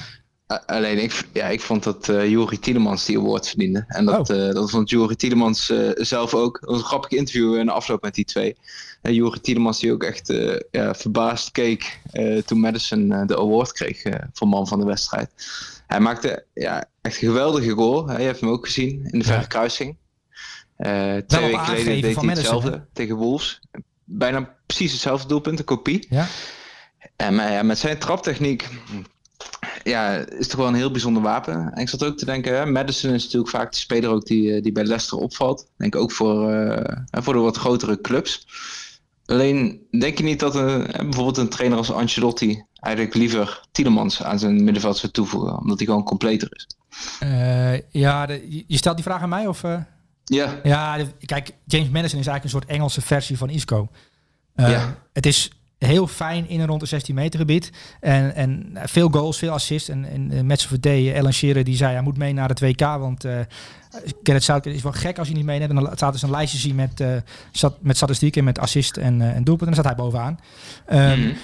en- maar ja, kijk, Juri Tielemans, die zit natuurlijk bij de nationale ploeg van België. En die is dynamischer. Die, heeft, die kan over een groter stuk veld uh, uh, rennen. Weet je wel, die, die kan meer veld bestrijken. En ja, dat is. Ja. Maar ik vind het eigenlijk onvergelijkbare spelers. Um, je hebt Tielemans Nou ja. en Madison nodig eigenlijk. ik moet zeggen, ik ben ook wel echt Madison liefhebber hoor. Ik eh, ik kan me zijn debuutwedstrijd in de Premier League nog goed herinneren. hè, Toen hij bij, eh, toen kwam hij net over van Norwich, denk ik. Of speel Ja. je daar nog? Uit tegen Manchester United. Maar met, eh, met heel veel lef in ieder geval. Alleen, eh, ja, ik, ik vind dat Tielemans wel een beetje onderbelicht wordt in dit Leicester. Hè. Leicester is natuurlijk wel een club geweest waar ja, dat ja, springplank is geweest voor veel spelers. Ik denk dat hij ja, misschien nog wel eerder dan Madison weggekocht gaat worden. Een van die grote in, in Engeland. Ja, kijk, ik, ik denk dat James Madison ge- gekocht gaat worden door een club met een slechte scout. Die 80 miljoen betalen voor James Madison. En dan vragen de, de fans van topclubs na een tijdje af waarom speelt u niet. Omdat die trainer die ze dan nieuw is, die denkt van ja, maar James Madison, not reliable, hè, zou uh, Roger Smit Ja, zeggen. ja, precies. Um, en dan speelt Tielemans bijvoorbeeld. Maar ja, die speelt dan niet bij die club, want die speelt bij een andere club. Um, Ja. ja, ik, ik, ik, Leicester City, dat vind ik wel... Want ik heb op een gegeven moment... Uh, Leicester City speelde heel slecht. Hè. Het ging helemaal niet goed. En toen hebben ze Wout Vaas uh, gehaald uit uh, de Ligue 1. Wout Vaas. Sinds Wout Vaas achterin staat bij Leicester City gaat het weer crescendo. Ja. En is Brendan Rodgers weer een goede trainer. Um, nou, maar Wout Vaas heeft natuurlijk ook wel indruk gemaakt in de Eredivisie. Hè? Excelsior, ja. Excelsior, ja. En ze zien maar dat, dat Excelsior toch goed in die spelers zit. Want ook die jongen die bij Sporting in de spits staat, Marcus Edwards. Dus ja, oh, ja, ja, ja hard, echt geweldig. Maar Wout Vaas is een van de geheime krachten van het Leicester. En inderdaad ook Tielemans. Um, en zo heb je nog een paar van die spelers die bij Leicester City... Uh, ja, die hebben natuurlijk altijd talent gehad. En uh, is er weer de helft van weggekocht. Ook een goed kapsel, die Vaas. Goed, ja, David Luiz uh, reïncarnatie. Ja. David Luiz, die heeft ook uh, een prijsje gepakt, hè? Oh? Ja, de, de, Copa, de, de, de Copa America. Of nee, hoe heet het? De Champions League van Zuid, uh, Zuid-Amerika. Oh, netjes. Toch op jouw dagje nog even meepakken? Ja. Zo, ja, Bas, jullie ook niet, of ligt dat aan mij als kijker? Ik vraag me wel af of dat een vooroordeel is, maar Wat? hebben jullie ook niet bij centrale verdedigers met krullen dat je het altijd een beetje onrustig vindt ogen? Of komt dat gewoon puur door David Luiz, denk ik? ik, ik ja, maar wat wil jij dan? Jij wil gewoon echt een, een, een kale kop die alleen maar erin kletst en beukt? Wat Nee, maar ik, ik, ben, ik ben- wel serieus. ja, kijk. Heb je dat niet? Nou, ik snap wel wat je bedoelt. Louis Dunk ziet er wel meer uit als een verdediger. Eerlijk. Nou, Puyol, Puyol had dat ook altijd een beetje, een beetje wild, weet je, ook in zijn acties. Dus jij zegt dat verdedigers met krullen gediscrimineerd worden. Daar wordt anders tegen aangekeken. Nou, ik, ik betrap mezelf daarop, maar misschien heeft het gewoon, is het ook gewoon toeval, hè? Dat, eh, Misschien zit het haar van Van Dijk daardoor ook vast. Het zou kunnen. Ja, Ja, ik zou het wel cool vinden als hij die, eh, die, die knot een keer uitdoet. En dan met het, eh, gewoon dat grote kapsel. daar- ik denk dat dat, dat dat een bevrijding is voor hem. Ik denk het ook, ja. Maar goed, dat is, eh, het zit nu strak in de lakken. Of met de spuitbus, geloof ik. En dan Ja. zo'n knoop erin, met een moeilijke naam. Ik weet niet hoe het heet. Maar. Ehm, maar Wout Vaas eh, gaan we gewoon ook zien op het WK. Want er zijn Ja. weer een paar Belgische verdedigers omgevallen. Die hebben geen verdedigers meer. En dan eh, kunnen we dan in Nederland gaan lachen om Wout Vaas als hij eh eh, à la David Luiz eh, een bal verkeerd aanneemt. Want dat is inderdaad eh, waar we, wat wij leuk vinden. Maar Wout Vaas doet het heel goed. Hey, eh, Bas, nog iets anders? Heb je nog een film gekeken dit weekend? Eh, nee, ik heb heel veel voetbal gekeken, moet ik zeggen. Ik had eh, zaterdagavond ge- gewerkt. Gisteren, Super Sunday natuurlijk. Dus eh, nee, ik, eh, geen, geen Nee. filmtijd. Was gewoon geen tijd hè, voor een film. Nee, ik ook niet. Jij, Sully? Ja, ik heb, ik heb wel een film gekeken. Ja. Ik heb, Oh, wat je de vorige week zei. Ik heb de film gekeken die ik vorige week getipt had. En, en, en toen heb ik een aantal reacties gekregen van mensen die dat ook zijn gaan kijken, die film. Ik heb die oorlogsfilm, Eerste Wereldoorlogsfilm, hè, die op Netflix staat. eh, Oh. ehm, in Westernicht Noise. En eh 2,5 uur lang. Ehm Eerste Aanrader? Wereldoorlog. Ja, ik, ik ben daar. eh, ik vond het heel mooi, eh, mo- heel mooi gemaakt. En eh, dan zie je wel de ellende, hoe oorlog, wat jong, oorlog met jonge jongens doet. En wat, wat voor ellende dat is. Dus ik vond het echt een geweldige, mooie film. Ehm, dus eh, ja, ik ben blij dat ik hem gezien heb. Ja, nou ja, dan gaan we dat ook snel doen. hey, Bas, luister eens. Wij moeten nog twee spelers bespreken. Heb jij nog tijd? Want jij, bent, eh, jij zit in overleg natuurlijk. Je moet snel weer ophangen. Heb jij nog tijd voor één speler om die mee te pakken? Ja, ik heb nog een minuutje of drie. Dus eh, Dan gaan we, eh, goed. dan gaan we naar eh Mukoko van eh, Dortmund. Eh wonnen Ja. met 3-0 van Bochum. Ehm, een paar fraaie goals. Eh, ik wil alleen gelijk kritisch zijn. Ehm, het is wel een spits die nog een beetje slordig is. Want ik vond wel dat moment bijvoorbeeld met Brand... dat hij dat die, dat die wel wat... Nou ja, om, het, om in het, de terminologie van Bas te blijven... een beetje druistig nog steeds. ja, het woord heb ik echt al lang niet meer gebruikt. Hè? maar eh, nee, ja, ja, je hebt denk ik wel gelijk. Ja, wat moet je verwachten van een 17-jarige? Die, eh, die statistieken zijn natuurlijk echt, ja, gewoon echt niet normaal. En die jonge spitsen lijken ook steeds op jongere leeftijd allemaal beter te worden. Als je eh, Musiala, ja, niet echt spits natuurlijk, maar die tieners in de Bundesliga, ja, het is wel heel bijzonder hoor. En ja, ik denk dat het ook niet zo gek is dat hij nog eh, wat verbeterpunten heeft. Ja, kijk, Youssoufa Moukoko, want daar gaat het over. Ja. Ehm, die is al sinds zijn twaalfde een soort Pele. Ehm, die maakte 90 per jaar. Die was op een gegeven moment na zeven wedstrijden met 40 goals het topscorer van de Bundesliga onder 17 junioren bij Dortmund. Ehm, toen was hij 14, 13. Dus Ja, als 13-jarige. En Maar nou, dat, dat is bijzonder. Want als je die, als je die ranglijst dan gaat bekijken, dan spelen, ze hebben gewoon eh, allemaal topvoetballers die wij nu allemaal kennen. Die hebben ook in de competitie gespeeld, in de jeugdcompetitie. Maar die hebben er geen, na zeven wedstrijden, 40 in liggen. Dus het is een beetje abnormaal. Zijn statistieken zijn een beetje vreemd. Zijn debuut bij Duitsland onder 16, eerste wedstrijd, twee doelpunten. Ehm, toen was hij 12. Ja, zit, daar kun je om lachen. En dan denk je van ja, maar die jongen is geen 12. Nou, ik zie, ik zit hem, je zit hem nu te bekijken. Ik heb geen idee hoe oud die jongen is. Ik denk 17. ja, maar goed, daar is natuurlijk wel eh, in het verleden film te doen geweest. Nou ja, eh, Heeft op, hij echt die op leeftijd? een gegeven moment eh, lag hij in een scheiding. Een jongen van 15 die met twee kinderen die in een scheiding ligt, is nogal. Ja, leg dat maar eens uit. Dat jij de kleedkamer binnenkomt, dat je bij de auto ook komt. Ik doe een 15 jaar met een rijbewijs. Ja, hoe kan dat? Ja.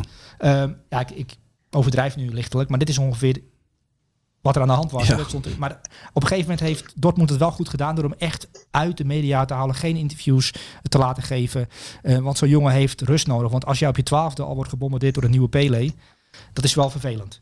Dat, Ja. dat doet iets met je. En als je dan ook nog eens eh, in je eerste zeven wedstrijden 40 maakt in zo'n competitie. En dan weer een elftal omhoog moet. En dan ook weer 40 maakt. eh, want zijn statistieken zijn, zijn absurd. En nu ook. Hij, is, hij, is, hij wordt 18 vol, over twee weken. Het kan zomaar zijn dat hij bij, bij de Duitse nationale selectie zit. Hè. Want uh, Fliek is daarmee bezig. Van ja, je hebt een joker nodig. Het is natuurlijk wel een speler, Bas. Als je die erin gooit, eh half uur voor tijd. eh, in een kwartfinale en je hebt een doelpunt nodig. Ja, Ja. hij is misschien wel eh, eh, druistig. Of misschien eh, eh, niet alle aannames kloppen. Want dat is inderdaad zo. In, in een combinatie zwak.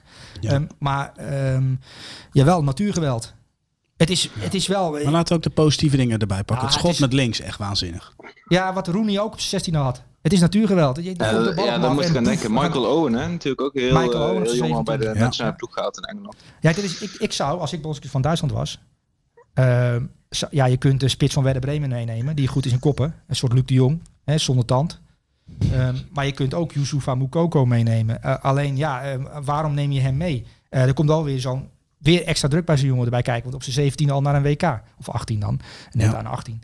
Ehm, ehm, maar hij maakt wel eh, twee doelpunten. En, en zijn contract loopt af. Hè. Eh, ik weet niet of jullie het meegekregen. Maar zijn contract loopt eind van het seizoen af. En bij Dortmund willen ze hem wel graag behouden. Want het is natuurlijk een jongen die voor heel veel geld gaat verkopen. Ehm, alleen ze moeten hem een salaris gaan bieden van 5 miljoen euro. Dus hij is 17 jaar en hij wordt over twee weken 18 en dan gaat 5 miljoen verdienen. En dat is ongeveer het salaris voor, eh, voor de, het middensegment bij Dortmund. Royce verdient 12 miljoen, dat is de topverdiener bij Dortmund. En dan geven ze hem eh, 5 miljoen. Dan denk je, ja, 5 miljoen voor een 18-jarige die, die, die, die 10 goals gemaakt in de Bundesliga. Moet hij daar nog over nadenken? Ja, want eh, er zijn, Barcelona biedt meer. In deze wereld zit deze jongen. Dus als je, ja, dat is, lijkt me wel lastig. Tja. Zou jij hem adviseren, Bas?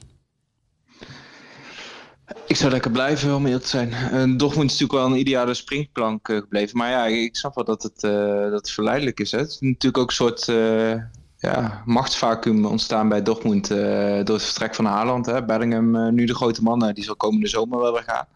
Hij is eigenlijk de volgende in dat rijtje. En dan snap ik wel dat hij, dat hij iets meer verwacht. Iets meer waardering. Natuurlijk, hè, dat salaris voor, voor een jongen van die leeftijd is waanzinnig. Alleen, Ja. ja, hij kijkt, wat Sully zegt, ook eh, naar Royce natuurlijk. En hij, hij kijkt gewoon naar de verhoudingen binnen zo'n selectie. En waarschijnlijk ook zijn zaakwaarnemer. Hè, die misschien wel de belangen Ja. van een paar meer spelers.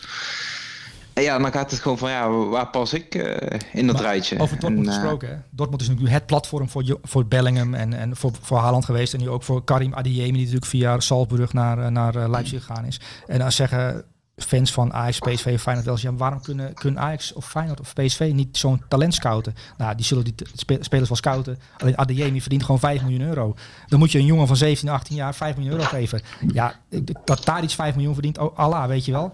Of eh Daily Blind. Maar om nou ook 18-jarige jongens 5 miljoen... Dat kan Dortmund dus wel doen. Want die, die, die scouten echt in het top-top segment. De, van Bellingham weet je, dan ga je 150... Nou, dan weet je niet de 150 miljoen, maar dan ga je 100 miljoen mee pakken. Ja, als je zich 100%, doorontwikkelt. ja. Als je één of twee van die jongens hebt, kun je, kun je er vijf, zes, zeven eh, mislukkingen tegenover zetten. Ehm, dus daarom is Dortmund daar zo goed in. Omdat die, zit, die zitten echt op dat elite, die elite eh, talenten. Eh, waar Mukoko een voorbeeld van is, waar Bellingham een voorbeeld, waar Jaden Sancho een voorbeeld van was. Ehm, dus ja, Eens met Sully, Bas? Nee, absoluut. En je ziet ook dat Dortmund, hè, eh, Duitse media hebben dat ook wel eens uitgelegd, dat ze heel veel aan zaakwaarnemers ook betalen. Hè, nog meer dan Bayern. Ja. Dat heeft natuurlijk ook te maken met het jong binnenhalen van die gasten. Hè. Investeren op jonge leeftijd, maar je weet dat je het wel terug gaat verdienen natuurlijk. Ja. Helemaal eens. Hey, maar Bas, ik eh, moet echt gaan, mannen. Ja, is goed. Nou, Bas, hartstikke bedankt voor jouw inbreng. Dan gaan wij de laatste speler van het elftal van de week eh, bespreken. En dan eh, volgende week maandag hè, in de, in de live show met Sully gaan we het WK voorspellen. Zeker weten, ik heb er zin in. Is goed, Bas. Dankjewel. Tot ziens. Yo, tot later. Hoi. Altijd leuk als Bas erbij is, hè? Even kort.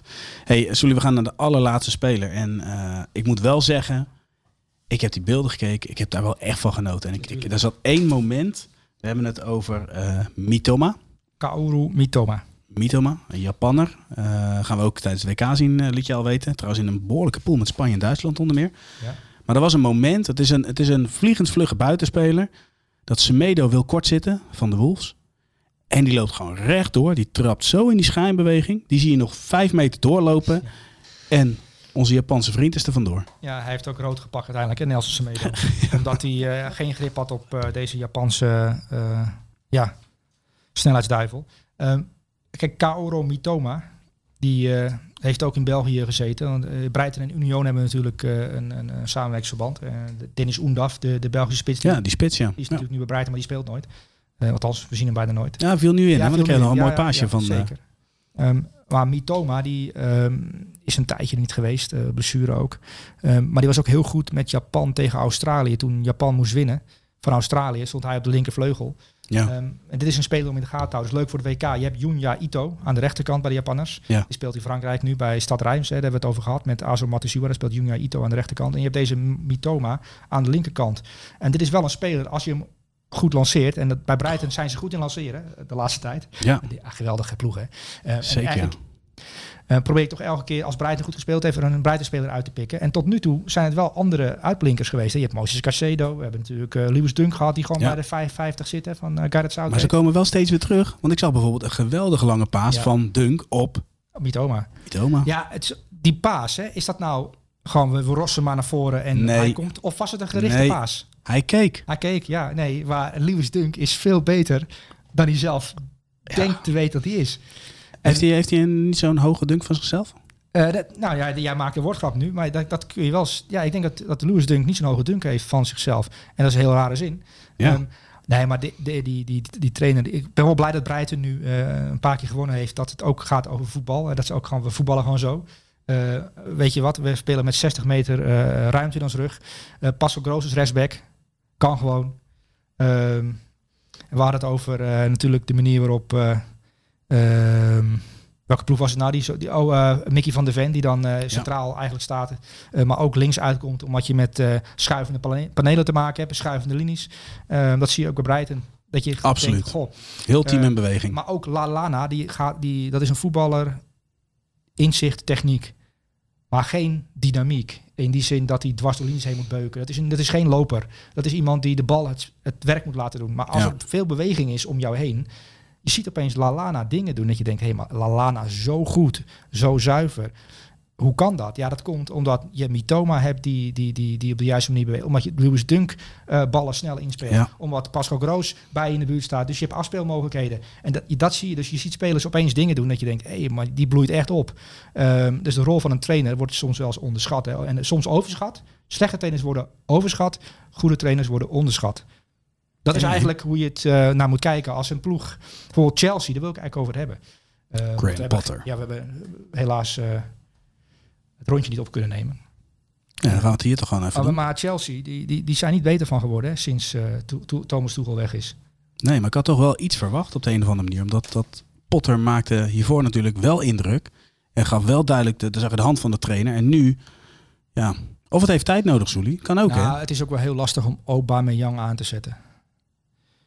Het is gewoon lastig. Uh, Ja. Raheem Sterling ehm, was bij City ook geen basisspeler meer. Hè? Ehm, die gaat dan voor eh, veel geld naar Chelsea. Er wordt dan aangekondigd als top, top, top investering en aanwinst. Maar eh, City koopt gewoon Leao of uh, Kvaratskhelia. Je moet beter worden. En met Sterling word je niet beter. Want Sterling is bij City eigenlijk op het tweede plan geraakt. Ehm, Ja, klopt wel. Maar het is vaak een, een samenstelling van een selectie. Het moet, het moet bij elkaar matchen. Nou, Henk de Kater gaf het aan dat, dat hij... ja. Je maakt soms teams, hè. Hij, hij ging... trainers die, die zetten dan een formatie neer. Pak het Nederlands elftal. Dit zijn de elf namen. Maar hij ging juist heel erg kijken van welke koppeltjes kunnen dan goed Ja. samen zijn. Wie is dan de linkerkant en wie moet je dan in de as bij elkaar je bij hebben. En, Chelsea. dat is, maar dat is toch zoeken nog? Nou, maar Reece James bijvoorbeeld was echt een belangrijke speler aan de rechterkant als wingback. Omdat hij, ehm, ja, als Reece James de bal had, dan wist je ook zeker dat de spits of degene, de middenveld die aansloot, wel een goede bal zou krijgen. Ja. Ehm, nu is het, het hele elftal een compensatie al. Ehm, omdat Reece James niet mee kan doen. Dus je verliest echt heel veel aan die kant. Dus het is al ehm, ja, optie B eigenlijk als rechter wingback. Ehm, nu zie je ook dat eh, ehm, die jongen die heel lang geblesseerd is, die nu eh, centraal staat, na Jorginho, uh, Loftus-Cheek. Ja, Ja, Loftus-Cheek is natuurlijk niet een top, top speler. Die, waarmee, je, nee. waar- ja, waarmee je het ten tegenstander echt lastig... Arsenal, ik vond Arsenal... eh, die had het redelijk makkelijk tegen een elftal dat normaal gesproken het ze altijd moeilijk maakt, maar nu niet. Eh, omdat Chelsea, ehm, ja, de Graham Potter zal vast het idee hebben, maar Cucurella, er is 55 miljoen voor betaald. Eh, en die heeft kwaliteiten. Ehm, maar wel in combinatie met andere spelers. En Ja. als dan bijvoorbeeld Sterling voor hem staat, ja, dan weet je wat jij het over hebt. Die koppeltjes die kloppen dan niet. Um, N'Golo Kante is natuurlijk voor, ja, helaas voor Potter, uh, niet aanwezig. Um, Jorginho daar, met Loftus-Cheek, is te mager. Ja, maar het is ook al een proces toch? Want bij Ja. Arsenal valt het nu allemaal ja, goed in elkaar. Het is gewoon Nou, waanzinnig om naar te kijken. Maar dat, dat heeft ook wel, is wel een periode overheen gegaan. Ja, ik had eigenlijk ook Saliba willen selecteren of Party. Dat hangt er een beetje vanaf hoe je er naar kijkt. Want je hebt daar echt nu met Saliba, met Gabriel Magalhaes die scoorde. Ja. Um, en je hebt Party, dat soort Bermuda-driehoek, waar alles in verdwijnt. Um, Salida maakt Party beter, Party maakt Saliba Ja. beter. En, en, en, En alles wat er binnenkomt, dat, dat wordt gekild. En dan heb je ook nog die, nou, nu, nu speelde Sinchenko, die natuurlijk uh, dan weer op het middenveld opduikt. Dat is dan, dat is dan leuk. Dat vind ik echt Eh, fantastisch om ja. naar te kijken. Eh Jesus die niet scoort, maar zo hard werkt dat hij dus het leven van ploeggenoten makkelijker maakt, maar ook het Ja. leven van verdedigers van de tegenstander moeilijker maakt. Ehm, dus je kan ook door niet te scoren eh, opvallen. Dus Arsenal zit goed in elkaar en, en Chelsea zit helemaal niet in elkaar. En dat zie je ook aan, eh, aan de gezichten op de bank, de reservebanken. Hoofdschuddend als er weer iets fout gaat met eh, bijvoorbeeld Hakim Ziyech, die eh, nu voor de tiende keer eh, niet in actie kwam. Dat was schijnend. Ja. Voor hem dan, hè. Doet ook pijn. Nou ja. Eh, maar goed, we hebben het over eh Mitoma. En Oh ja. ik vind het alleen maar leuk dat je dit even aanhaalt. Ehm, wil je er nog iets over kwijt of wil je al een cijfer geven? Eh, nou, ik zie dat eh, Wesley Mak afsluit met uitstekend spelertje. Omdat het waarschijnlijk een Japannertje is. Maar ik vind het een uitstekende speler. Eh, En hij kreeg in de lokale Sussex, de krant, Ja, ja. die, die, die, die natuurlijk een Brighton Watcher hebben. En die Brighton Watcher die was dit keer zodanig onder de indruk van Kaoru Mitoma een 10. En, Ehm, dan, en wat doe jij dan? Maar het is toch wel lekker dat je, dat je de Brighton Watcher bent. Brighton Hove Albion, jarenlang Nou, dit jaar wel, ja. championship. Jarenlang championship. Dan eerst eh, Graham Potter als trainer. En nu een, een Italiaan die, eh, die tactisch... maar is dat dan ook het, het eh, want je, jij, jij stelt dat nu zo hè? Stel nou dat je al jarenlang de clubwatcher bent van Brighton. Ja, Dat je, je, je werkt altijd vanuit een bepaald referentiekader, toch? ja. En Nou vanuit ja, het referentiekader ga je dan beoordelen. Je hebt jarenlang naar kutvoetbal zitten kijken. Ja, maar, ineens, ja, maar ik snap wel, ik snap wel dat ze ineens allemaal tienen krijgen. Ehm, ja, kijk, dat is natuurlijk ook gebeurd met de Newcastle United eh, Watcher... die opeens naar Bruno Guimaraes zit te kijken en denkt... Dat Die Newcastle. Chronicle, hè? Ja, de Ja. Newcastle Chronicle, ja. Dat je dan denkt, goh, die Bruno Guimaraes, dat is gewoon, dat is gewoon een Real Madrid voetballer hier in, in, in, in St. James Park. Hoe kan dat nou, joh? Zo goed. Tja. Doet hij hier? Ja, maar dat is, dat is een nieuwe, de nieuwe werkelijkheid voor Newcastle. Eh, nou, niet voor Brighton. Ehm, maar Brighton heeft natuurlijk, eh, er zit een heel datasysteem achter, in die, die datascouting en zo, Mhm. daar, waar sommige mensen sceptisch over zijn. Ehm, maar ik zou zeggen altijd gewoon, gewoon kijken en dan eh, de data laten aanleveren uit Canada. Dan zit je ook goed. Precies. Want Kaoru Mitoma, als je, als je op de tribune, tribune had gezeten, dan moet je wel erg blind zijn om het niet te zien. Dat hij goed kan voetballen. Zeker, ja. En ik eh, ben het ook helemaal met je eens. Voor de uitzending zei het al. Deze jongen moet je in de gaten houden. Tijdens het WK. 100%. Nou ja, jij, jij noemde net de pool van Japan. Dat is dan weer, weer pech hebben. Eh, maar ook nog Duitsland... Costa Rica, hè? Ja, Japan, Costa Rica. Ja, dat wordt, dat wordt Japan, toch? Ja, ik denk dat Costa Rica een van de slechtste ploegen heeft. Eh, Ik vind het wel jammer dat het WK in Qatar is. Want over de hele linie, ik ben nu al een tijdje bezig met de WK-landen.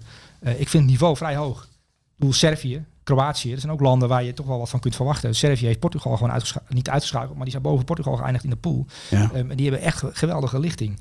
Uh, behalve misschien dat je denkt, die defensie, de ken, de ken, ik, de ken ik ze niet goed genoeg, weet je. Dat zouden mensen kunnen denken.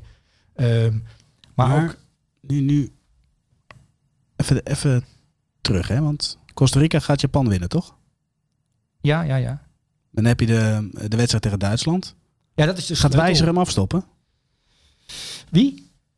Jij hebt er net Mitchell Wijzer. Nou, dat valt te bezien. Ja, dus, dus het wordt wel een spannende pool, hè? duel. Ehm, ja, maar sowieso, het hangt er een beetje af bij de, bij de Duitsers.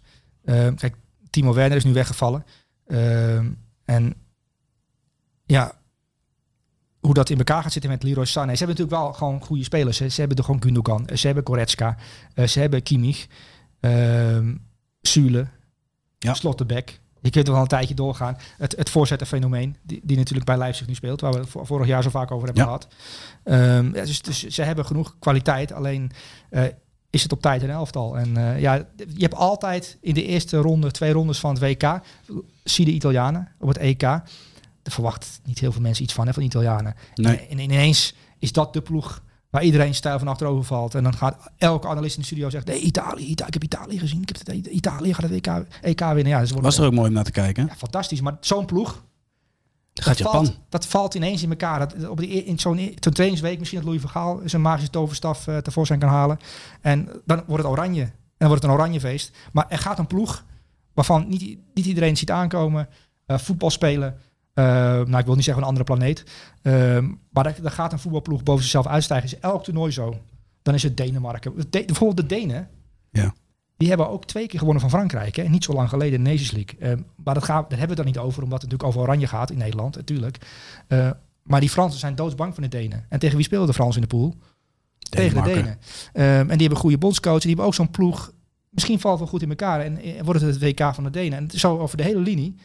Kijk ik er eigenlijk wel naar uit qua, qua voetbal, qua el- elftallen. Want ik, als je de pools bekijkt, ik heb eigenlijk één slecht land getroffen. Nou, misschien twee. Saudi-Arabië zou niet veel te veel... veel ik kijk nog niet echt naar uit. Maar bijvoorbeeld ook Marokko. denk ik, ja, leuk. Zeker, ja. En, en Servië, Kroatië met het middenveld. Wordt ook wel leuk, hè? Want tijdens de WK gaan we ook elke week de elftal van de week maken. Oh ja? Ja. Dat lijkt me ingewikkeld. Maar, maar goed. Nee, elke maandag gewoon van wat we gezien hebben, stellen we een Ja, elftal maar samen. Ja, oké. nou, dat kan. Ja, dat Goed kan. idee? Ehm, ja, dat kan. Maar het- je weet dat de wedstrijd om 11 uur beginnen, hè? Ja, dat weet ik, Sully. Ja, ik ga niet tijdens een EWK-wedstrijd een opname doen. Nee, niet tijdens, maar de maandag ben je er dan weer. En dan Ja. hebben we wat gezien en dan stellen we iets samen. Toch? Of de maar is, dinsdag. naar welk land kijk jij nou uit? Behalve de grote voetballanden. Oeh, naar welk land kijk ik echt uit, behalve de grote voetballanden? Nou, Denemarken. Inderdaad, kan een heel interessant eh, team gaan worden. En ja, weet je, nou ja, toch, ja, toch, ja, klinkt stom, maar Brazilië en Argentinië, daar kijk Ja? ik wel echt, echt enorm naar uit. Mag dat? Ja, zeker. Nee, ik, ik, eh, zeker. Ik, Zullen mag, we- je, mag je naar uitkijken, ja. Ter afsluiting een cijfer geven aan eh Mitoma. Een 10. Een 10. Sully, dan mag ik jou zoals elke week danken voor jouw tijd, inzet, kunde, kennis en vooral de passie die je elke week weer hebt voor het voetbal. Komend weekend ga je natuurlijk ook weer alles bekijken. We hebben een live show op de maandag. Nee, ik, eh, ik zit eraan te denken om, eh, om wat gas terug te nemen komend weekend. Net zoals alle spelers. Gewoon een vrije ronde. Dat ik, me, ik moet me gaan voorbereiden op het, op het, eh, op het WK. Dus helaas speel zien. ik dit weekend niet. ik speel niet. Nou, we zullen het zien. We zien elkaar sowieso volgende week weer. We gaan weer een mooi elftal van de week maken en maandag een live show. Jongens, jullie bedankt voor het luisteren en tot de volgende aflevering van het elftal van de week.